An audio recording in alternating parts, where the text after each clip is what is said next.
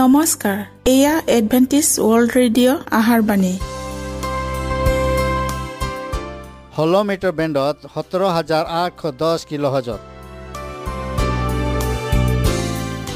Adventist world radio যোগে অসমীয়া ভাষাত প্ৰচাৰিত আহাৰ বাণী প্ৰত্যেক বুধবাৰ আৰু দেওবাৰ সন্ধিয়া সাত বজাত আহাৰ বাণী শুনাৰ পিছত আপোনালোকৰ কিবা মন্তব্য আৰু প্ৰশ্ন থাকিলে আমালৈ এই ঠিকনাত লিখক। আমাৰ ঠিকনাটি হৈছে Adventist world radio' seven day Adventist মণ্ডলী অসম শাখা লতাকাটা বশিষ্ট গুৱাহাটী সাত আঠ এক শূন্য দুই ন।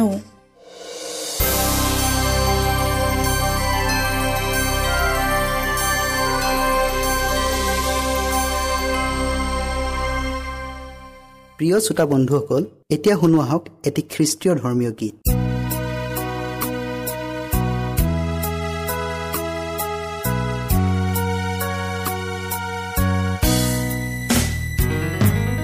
নতুন পৃথিৱী নতুন দিন নতুন সপোন দেখিবলৈ দিলা। নতুন পৃথিৱী নতুন দিন নতুন সপোন দেখিবলৈ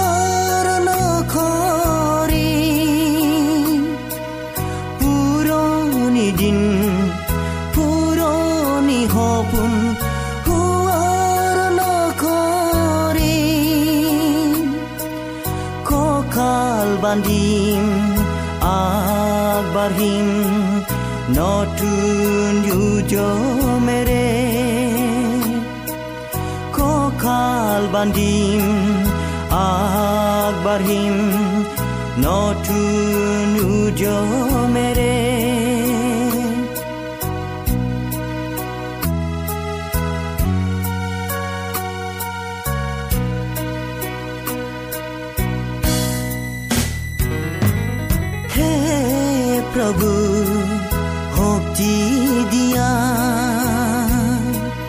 হে প্ৰভু শক্তি দিয়া দিন যেন নাযায় অথলে সপোন যে নাযায় বিপলে দিন যেন নাযায় অথলে যে নাযায় বিপলে এখোজে নাগবাঢ়িম ধৰ্ম পথ এখোজে নাগবাঢ়িম ধৰ্ম পথ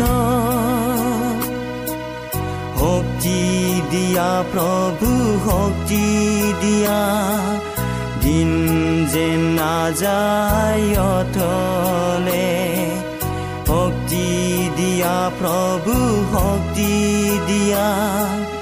দিন যে নাযায় অথলে নতুন পৃথিৱী নতুন দিন নতুন সপোন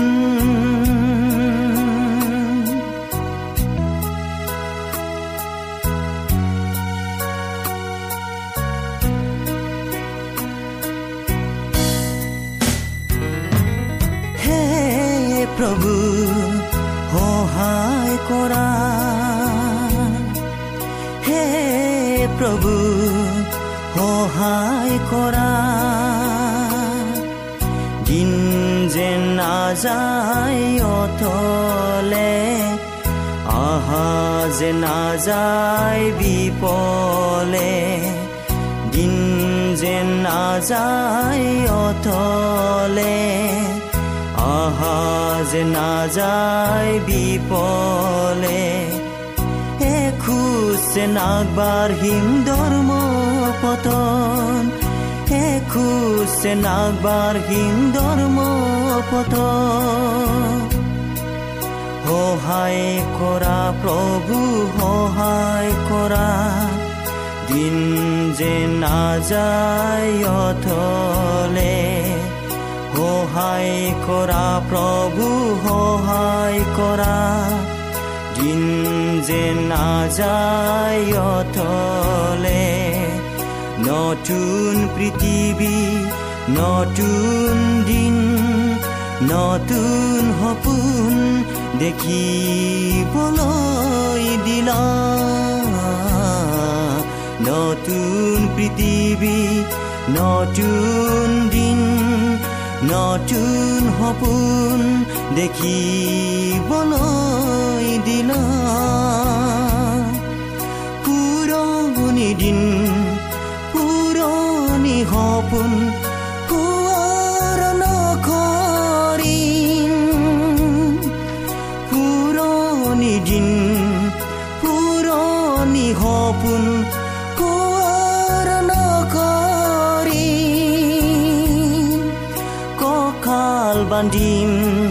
আগবাঢ়িম নতুন উদ্যমেৰে কঁকাল বান্ধিম আগবাঢ়িম নতুন উদ্যমেৰে নতুন পৃথিৱী নতুন দিন নতুন সপোন দেখিবলৈ দিলা। নতুন পৃথিৱী নতুন দিন নতুন সপোন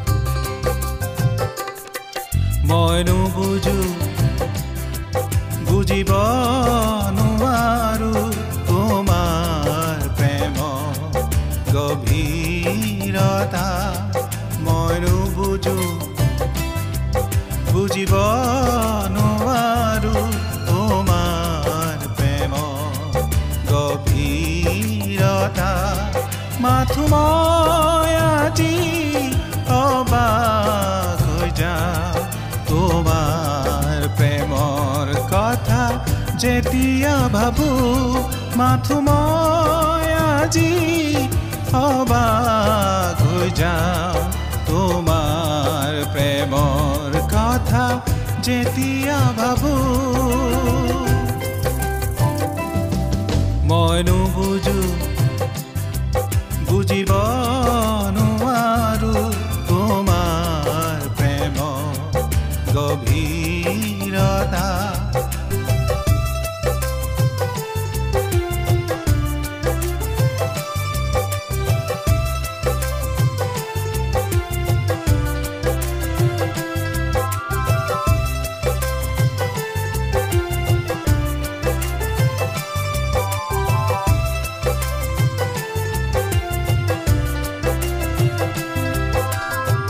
তুমি সহিলা নিষ্ঠুৰ যাতনা ক্ৰুচৰ নিজকে অৰ্পিলা মোৰ পাপৰ বুজা বহন কৰিলা তোমাৰ তেজেৰে মোক উদ্ধাৰিলা তুমি সহিলা নিষ্ঠুৰ যাতনা ক্ৰুচৰ ওপৰ নিজকে অৰ্পিলা মোৰ পাপৰ বুজা বহন কৰিলা।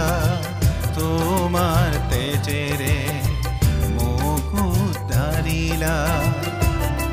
ভাষা নাই আজি বুজাবলে যিছু তোমাৰ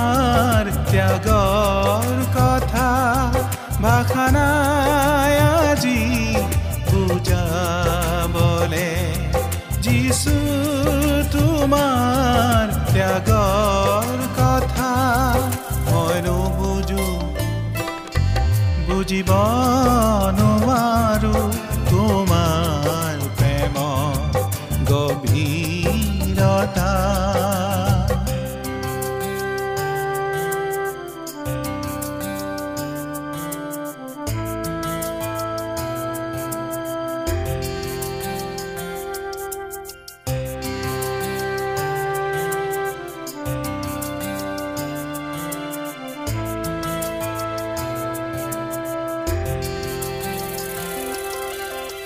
তুমি দিলাম অনন্ত জীৱ তোমাৰ প্ৰেমেৰে লভিলো পৰিত্ৰাণ এই জীৱনলে শান্তি বোৱালা দুখৰ বুজাম আঁতৰ কৰিলা তুমি দিলাম।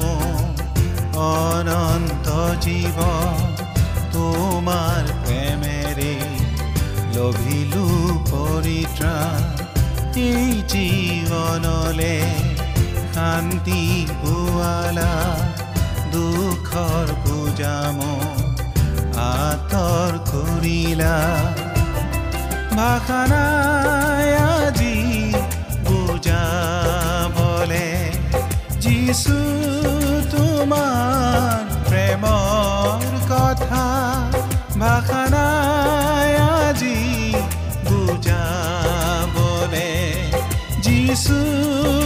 তোমাৰ প্ৰেমৰ কথা মইনো বুজো বুজিব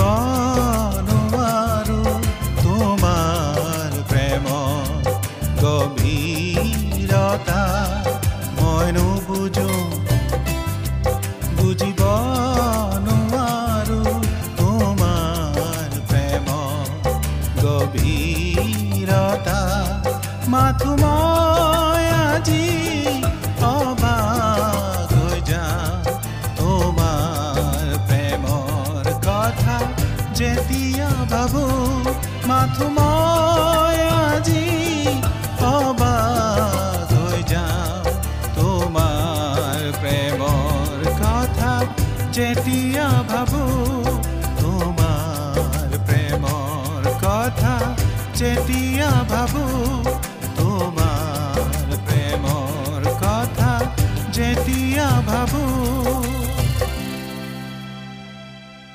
প্ৰিয় শ্ৰোতা বন্ধুসকল আহক আমি খন্তেক সময় বাইবেল অধ্যয়ন কৰোঁ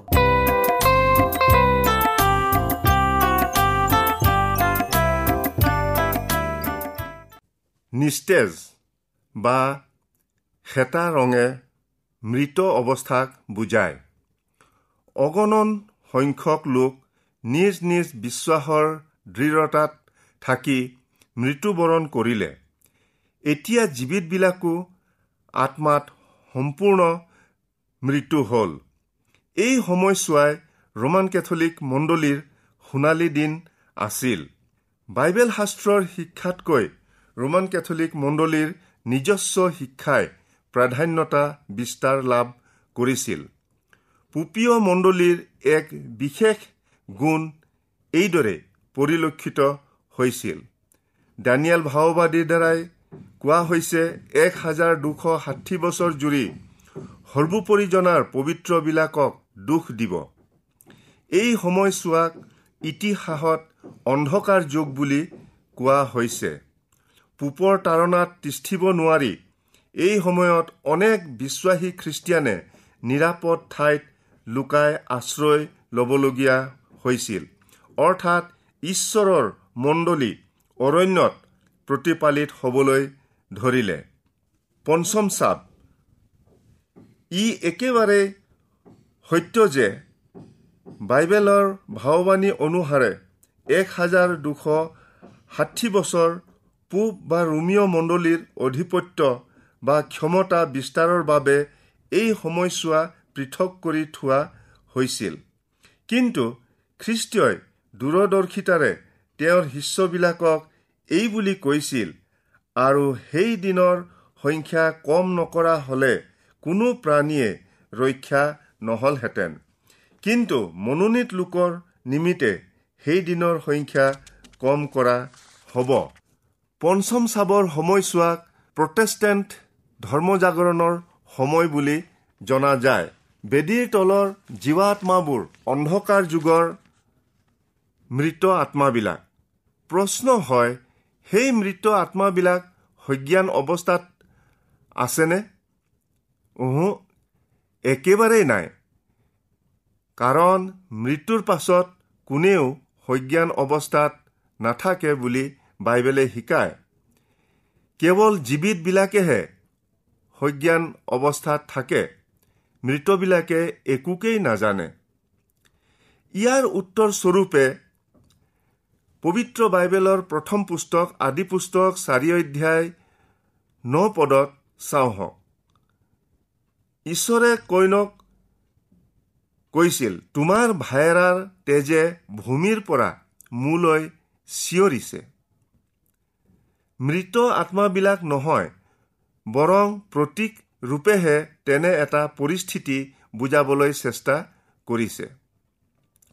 প্ৰতিফল দিওঁতাজন ঈশ্বৰ। অন্ধকাৰ যুগৰ ধৰ্মৰ নামত শ্বহীদ হোৱা লোকবিলাক খ্ৰীষ্টীয়ৰ পুনৰাগমনলৈকে অপেক্ষা কৰি থাকিব লাগিব।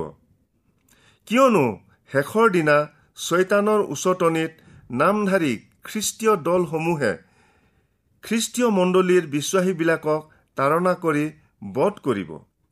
অন্তিম তাৰণাৰ সময়ছোৱাত প্ৰত্যেকজন ব্যক্তিয়ে হয় ঈশ্বৰৰ মোহৰ নাইবা ছয়তানৰ মোহৰ পাবৰ সিদ্ধান্ত কৰিব। পঞ্চম চাবে পোন্ধৰশ সত্তৰ খ্ৰীষ্টাব্দৰ প্ৰটেষ্টাণ্ট ধৰ্ম সংস্কাৰৰ সময়ক সামৰি সোতৰশ পঁচপন্ন খ্ৰীষ্টাব্দৰ ষষ্ঠ চাপ খোলা সময়লৈকে প্ৰসাৰিত হৈছিল। ষষ্ঠ চাবত জগতৰ অন্তিম দিন চাপি অহাৰ চিন। প্ৰকৃত দৃষ্টিভংগীৰে সৈতে নানা লক্ষণসমূহ স্পষ্টৰূপে দেখুওৱা হৈছে। ষষ্ঠ চাপ সোতৰশ পঁচপন্ন খ্ৰীষ্টাব্দৰ পৰা শেষ দিনলৈকে। এই চাবত ষষ্ঠ আৰু সপ্তম দুটা মণ্ডলীক সামৰি লোৱা হৈছে। অলপ আগতে ঘটি যোৱা ঘটনাসমূহ উল্লেখ কৰা হৈছে। ইউৰোপৰ লিছবন চহৰত হোৱা মহাভূমিকম্প সোতৰশ পঁচপন্ন খ্ৰীষ্টাব্দৰ এক নৱেম্বৰত পুৱা ন বাজি চল্লিছ মিনিটত আৰু দহ বজাত একেলগে দুবাৰকৈ জোকাৰণি হৈছিল। সোতৰশ আশী খ্ৰীষ্টাব্দৰ ঊনৈছ মেৰ দিনা সূৰ্যই পোহৰ নিদি কলা হৈ গৈছিল।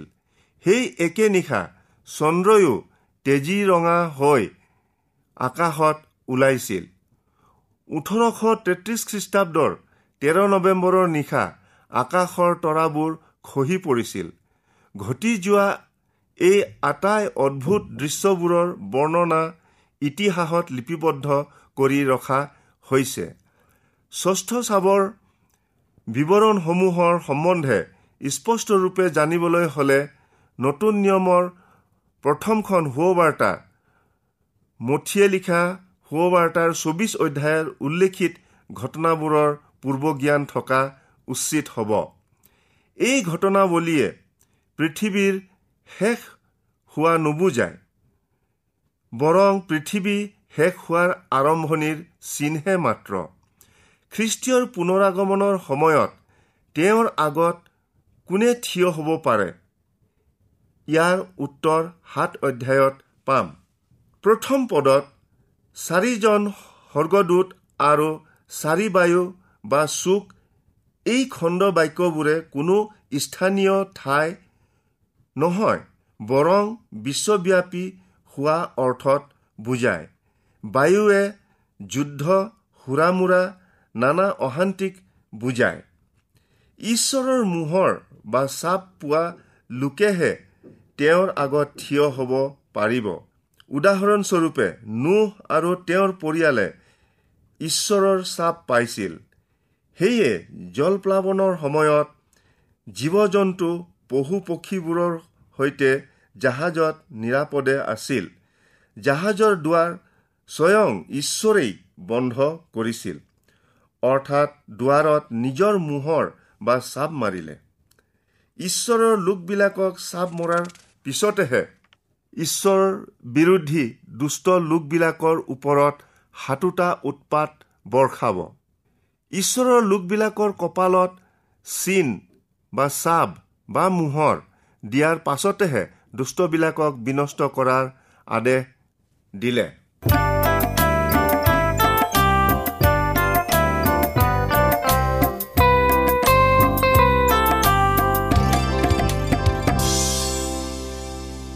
ইমানপুৰে আমি বাইবেল অধ্যয়ন কৰিলোঁ এতিয়া আকৌ শুনো আহক এটি খ্ৰীষ্টীয় ধৰ্মীয় গীত।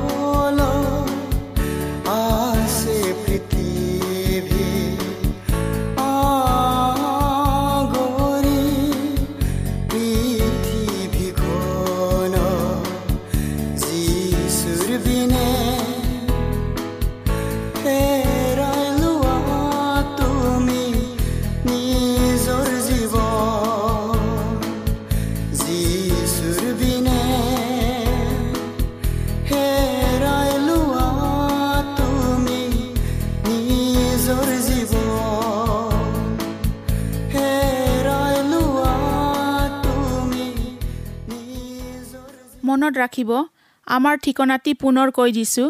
Adventist world radio' Assam region of seven day Adventist voice of hope Lotakata Basistha Guwahati seven eight one zero' two nine প্ৰিয় শ্ৰোতা বন্ধুসকল এডভেণ্টিজ ৱৰ্ল্ড ৰেডিঅ' যোগে আহাৰবাণী প্ৰচাৰত আপোনালোকক পুনৰ লগ পোৱাৰ আহাৰে আজিলৈ সামৰিলোঁ।